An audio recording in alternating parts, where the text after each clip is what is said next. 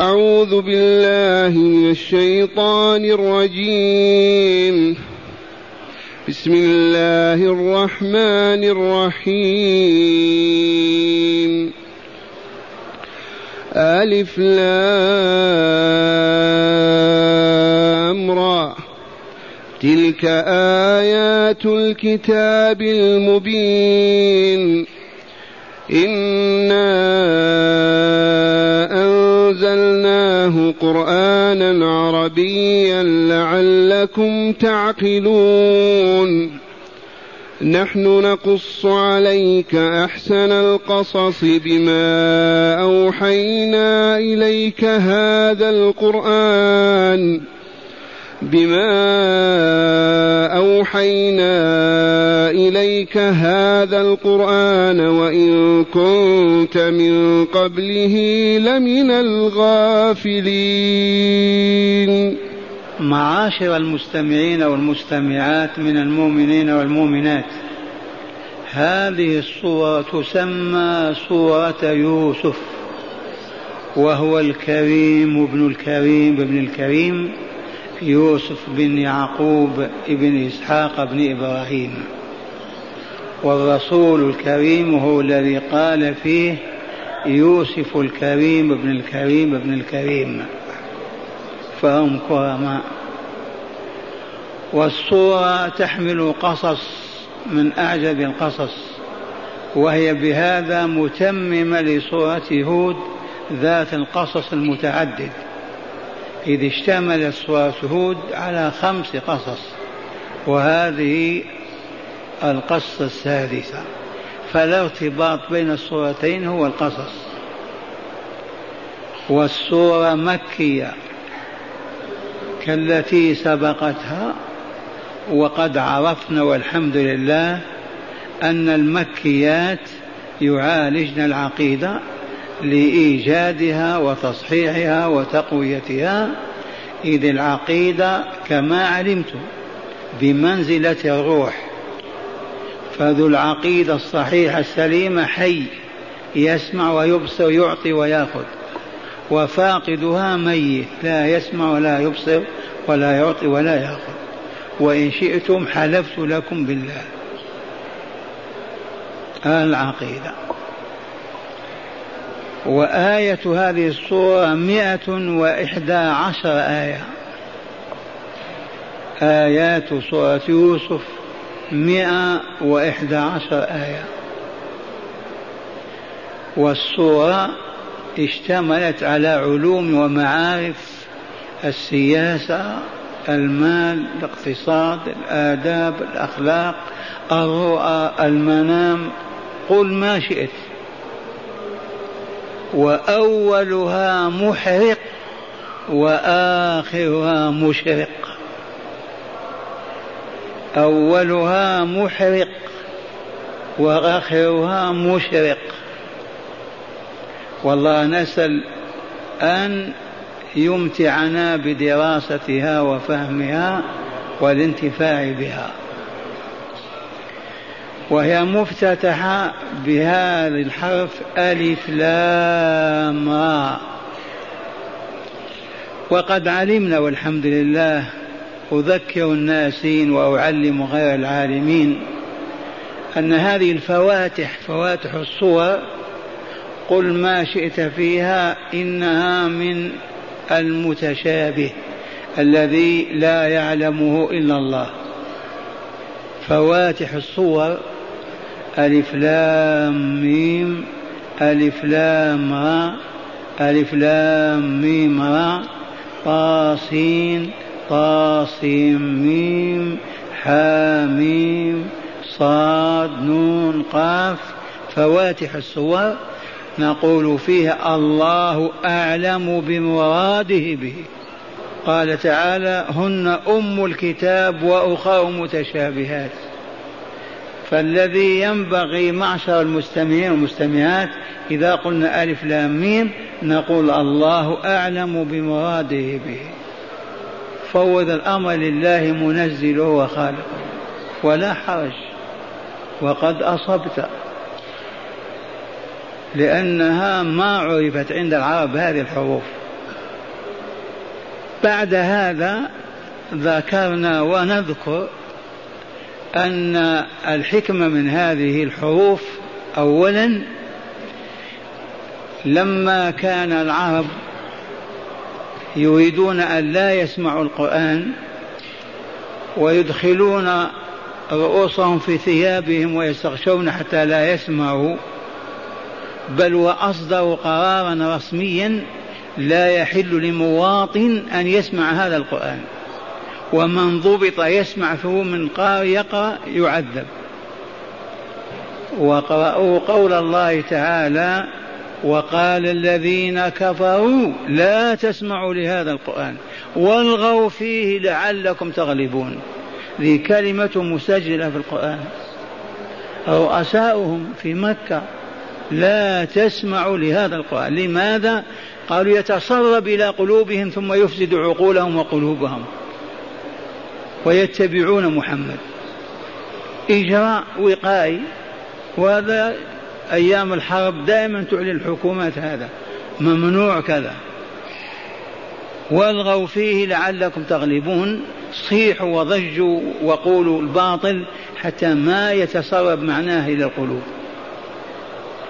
فمن هنا كيف يبطل الله هذا المكر ويزيل أثر هذا الباطل أنزله بهذه الحروف التي ما كانوا يعرفونها ولا يسمعون بها. فمن هنا إذا قرأ القارئ طاسيم لا بد للعرب أن يصغي لأنه ما سمع بهذا. لا بد وأن يصغي ويسمع. ألف لام ميم صاد. حينئذ جذبهم للسماع حيلة من الحيل التي تجعلهم يسمعون.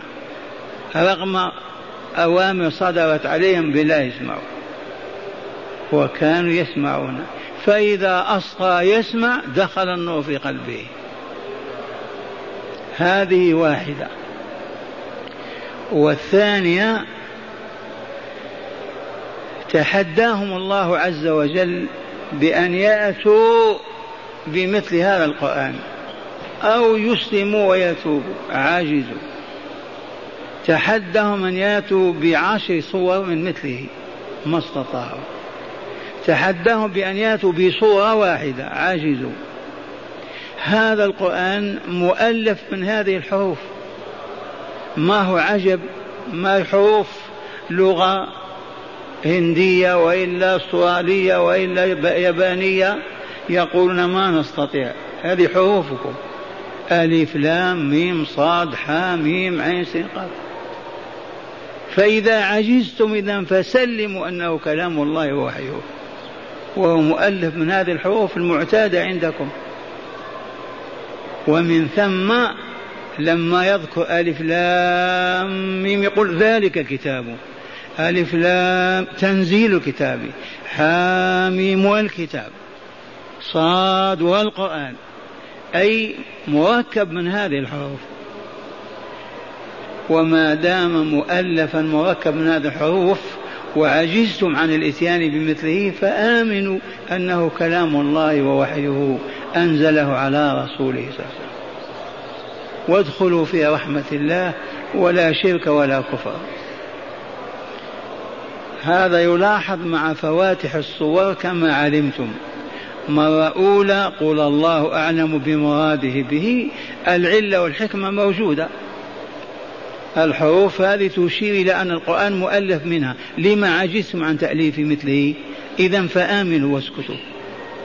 القرآن مؤلف من هذه الحروف وهي من حروفكم. لما ما تؤلفون منها؟ ثم قال تعالى ألف لام را تلك آيات الكتاب المبين تلك آيات الكتاب المبين أي المؤلفة من هذه الحروف.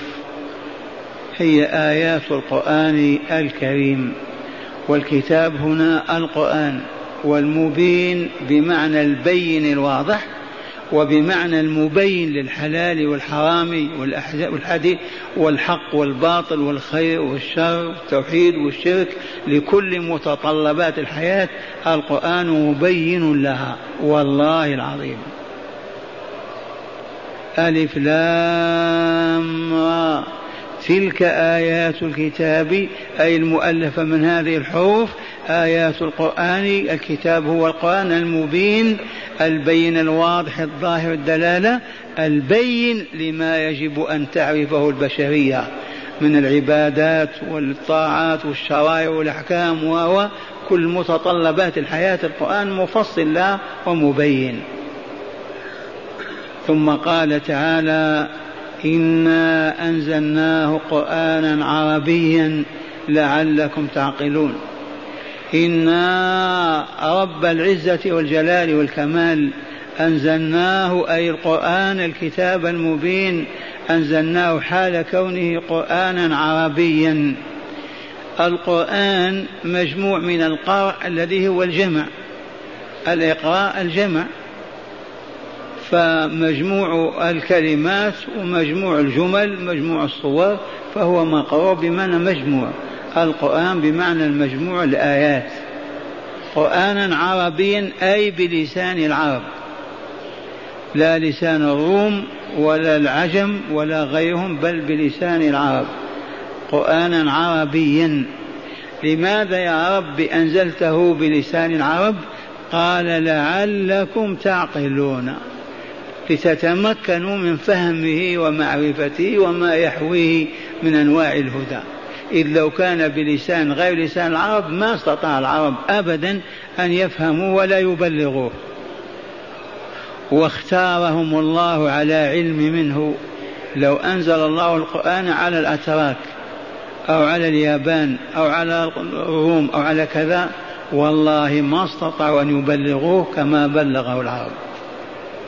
أبدا ولا مات عندهم. لكن الله هيأ هذه الأمة لذلك. خمس وعشرين سنة فقط والعالم الإنساني كله يصل إليه القرآن. خمس وعشرين سنة. لعلكم تعقلون ليعدكم لأن تعقلوا كلام الله وما يحويه وما يشتمل عليه من أنواع الهداية للإسعاد والإكمال في الدنيا والآخرة. فضل الله ومنته. لو سألت لما أنزله بلسان العرب لكان الجواب من أجل أن يعقلوه ويفهموه. لو كان بغير لسانهم والله ما عقلوه ولا فهموه. ومن يبلغ دعوة الله حينئذ؟ والله أراد أن ينقذ البشرية وأنقذ البليارات منها من جهنم وهم في دار السلام من عرب وعجم. بسبب ماذا؟ الإيمان والعمل الصالح. ثم قال تعالى لرسوله نحن رب العزة نقص عليك أحسن القصص.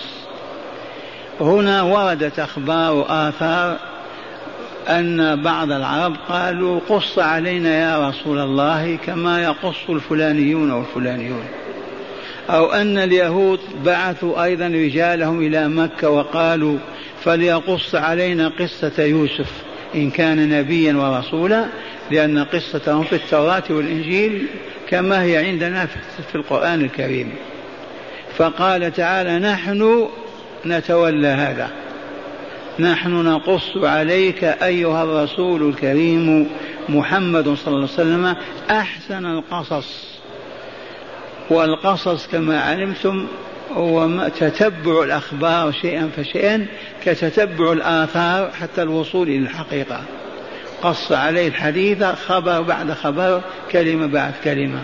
نحن نقص عليك أحسن القصص إذ هو خالي من الكذب من المبالغة من الزيادة من النقص أبدا لأن الله هو الذي يقصه وهو خالق الأقوال والأفعال.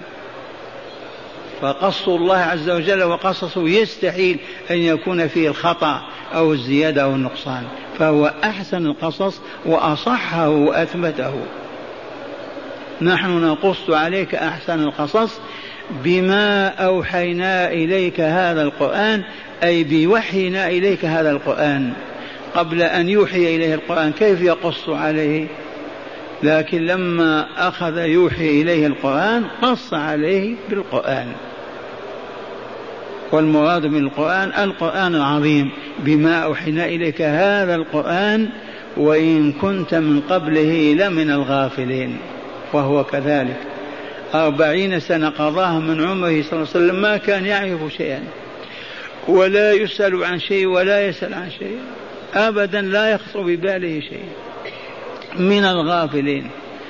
لما هيأه الله عز وجل وفاتحه جبريل في غار ثور أو في غار حراء اقرأ باسم ربك أخذ يتعلم ويعلم.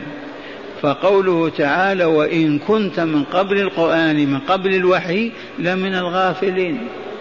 والغفلة عدم الالتفات للشيء ومعرفته.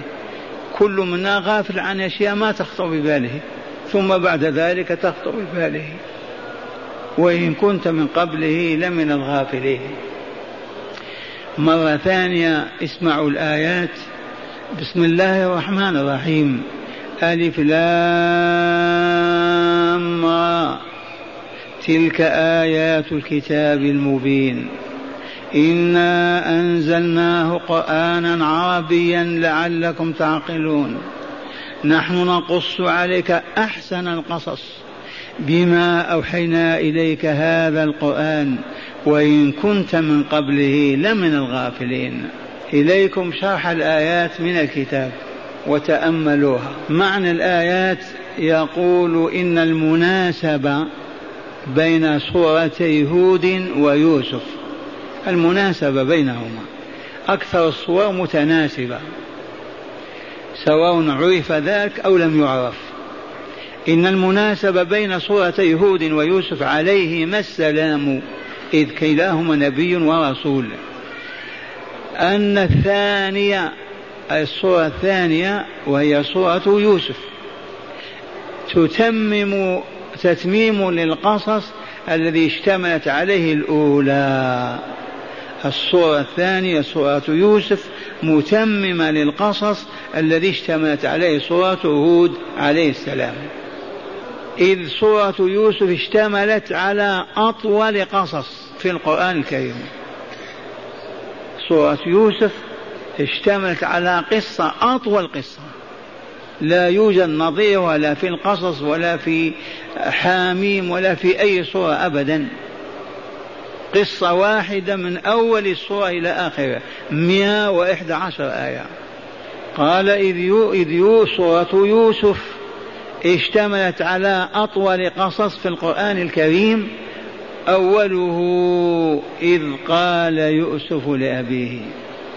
قرأ يوسف. يؤسف أي له ويحزن عليه. والقراءة المشهورة يوسف يوسف, يؤسف نعم. وقرأ يؤسف هو. والقراءة المشهورة يوسف بالتخفيف. هي أصلها يؤسف من الأسف الذي هو الحزن. وهو يؤسف لحاله في بداية أمره. إذ قال يوسف لأبيه رابع آية رابع آية درسنا ثلاثة. إذ قال يوسف لأبيه رابع آية وآخره وما كنت لديهم إذ أجمعوا أمرهم وهم يمكرون. أول آية إذ قال يوسف وآخر آية وما كنت لديهم إذ أجمعوا أمرهم وهم يمكرون بيوسف. يعني إخوته. 111 آية. الآية الثالثة الثانية. الآية الثانية بعد المئة. وأما سبب نزول هذه الصورة.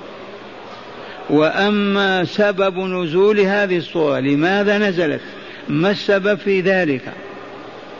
فقد قيل قيل لمن؟ للرسول صلى الله عليه وسلم لو قصصت علينا لو قصصت علينا كما يقص اليهود وبنو إسرائيل. لو قصصت علينا فأنزل الله تعالى ألف لام تلك آيات كتاب مبين إلى قوله وما كنت لديهم إذ أجمعوا أمرهم وهم يمكرون وما أكثر الناس ولو حرصت بمؤمنين. آخر السورة. فقص أحداث أربعين سنة تقريبا. فقص أحداث أربعين سنة تقريبا. تقل بقليل أو تزيد بكثير. أحداث أربعين سنة تقريبا. قصها كما نسمعها إن شاء الله وندرسها. فقوله تعالى ألف لام من هذه الحروف المقطعة تألفت آيات القرآن الكريم. أليس كذلك؟ من هذه الحروف المقطعة صاد قاف عين سين تألفت وتجمعت وتركبت آيات القرآن الكريم. تلك آيات كتاب المبين قال من هذه الحروف المقطعة تألفت آيات القرآن الكريم فأشار إليها تعالى بقوله تلك آيات الكتاب المبين تلك آيات الكتاب المبين أي المبين للحق. المظهر له ولكل من الناس في حاجة إليه مما يصلح دينهم ودنياهم. المبين وفي نفس الوقت هو بين ظاهر لا خفاء فيه ولا غموض. المبين للحق المظهر له ولكل من الناس في حاجة إليه مما يصلح دينهم ودنياهم أو مما يسعدهم في دنياهم وأخراهم. وقوله تعالى إنا أنزلناه أي القرآن وسورة القدر إنا أنزلناه في ليلة القدر إنا أنزلناه أي القرآن قرآنا عربيا أي بلسان العرب. لماذا؟ ليفهموه ويعقلوا معانيه. فيهتدوا عليه فيكملوا ويسعدوا في الدنيا والآخرة. فضل الله وإحسانه. كم وكم بلايين سعدوا بالقرآن الكريم وهم في دار السلام. وقوله تعالى لعلكم تعقلون. أي ليمكنكم فهمه ومعرفته ليمكنكم فهم ومعرفة ما جاء فيه ليمكنكم من الهدى والنور. فتمشون في الطريق الأنوار عن أيمانكم وشمائلكم إلى دار السلام. وقوله تعالى نحن نقص عليك يا رسول الله. أحسن القصص أي أصحه وأصدقه وأنفعه وأجمله وقل ما شئت. أحسن القصص لأن القائل من هو؟ الله جل جلاله نحن نقص عليك يا رسول الله أحسن القصص أي أصحه وأصدقه وأنفعه وأجمله. بما أوحينا إليك هذا القرآن أي بواسطة إيحائنا إليك هذا القرآن. بواسطة إيحائنا إليك هذا القرآن. وإن كنت من قبله أي من قبل إيحائه إليك وإنزالنا له عليك كنت من الغافلين. عنه لا تذكره ولا تعلمه ولا يخطر حتى ببالك والآن أصبحت أهلا له. يوحى إليك وينزل عليك. معنى الآيات ظاهرة والحمد لله. هداية الآيات ما يلي. تأملوا. من هداية الآيات أولا تقرير إعجاز القرآن. إذ هو مؤلف من مثل ألف لام را وطاسين وقاف. ومع هذا لم يستطع العرب أن يأتوا بصورة مثله. لو كان مؤلف بحروف غير هذه ممكن. محلب مؤلف من حروف يتكلمون بها نساء ورجال وأطفال. ألف لام ميم صاد عين قاف. كيف عجزوا عن تأليف صورة؟ إذا دل هذا على أنه كلام الله ووحيه وليس من كلام رسول الله ولكنه كلام الله وأنزله على رسوله. فأصبح القرآن معجزا وإلا لا؟ أعجز العرب. آخر ما أعجزهم في سورة البقرة المدنية. وإن كنتم في ريب مما نزلنا على عبدنا فأتوا بصورة من مثله من أمك محمد زيد وادعوا شهداءكم من دون الله إن كنتم صادقين فإن لم تفعلوا ولن تفعلوا. إذا فاتقوا النار التي وقودها الناس والحجارة أعدت الكافرين والآية مدنية. تقرير إعجاز القرآن إذ هو مؤلف من مثل ألف لام را وطا سين وقاف ومع هذا لم يستطع العرب أن يأتوا بصورة مثله. ثانيا بيان الحكمة في نزول القرآن باللغة العربية. ما هي الحكمة؟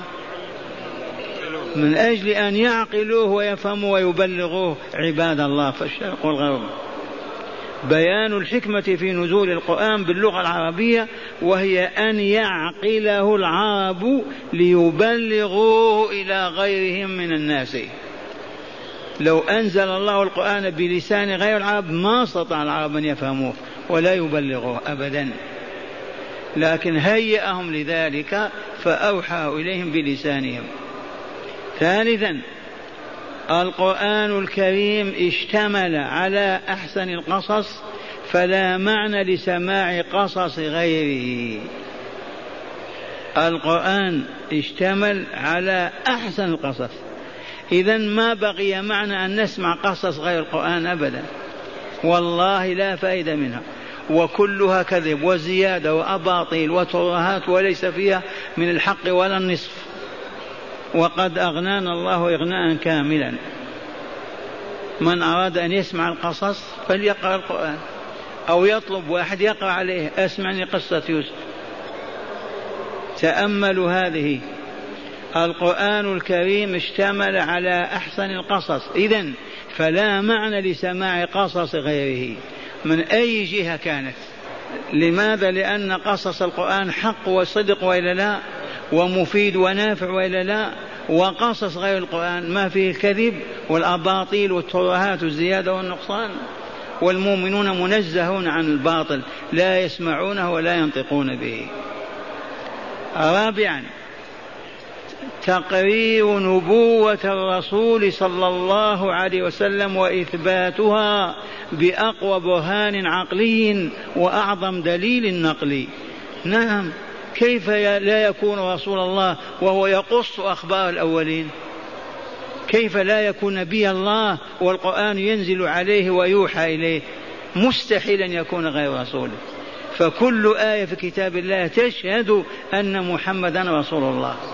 فلهذا من السخرية والهبوط وموت القلوب أن يكذب الرسول ولا ينسب إليه النبوة والرسالة. من الخطأ الفاحش. كيف أم يتكلم بهذا القرآن ونقول ليس برسول؟ ولكن العناد والمكابرة والمجاهدة والمحافظة على الباطل حمل الكفار على هذا. وإلا لو فكروا دقيقة واحدة لفهموا أن محمد رسول الله. ويجب أن يؤمنوا به ويتبعوه. ولكن الموانع كثيرة والأسباب متعددة والحمد لله أن جعلنا من المسلمين.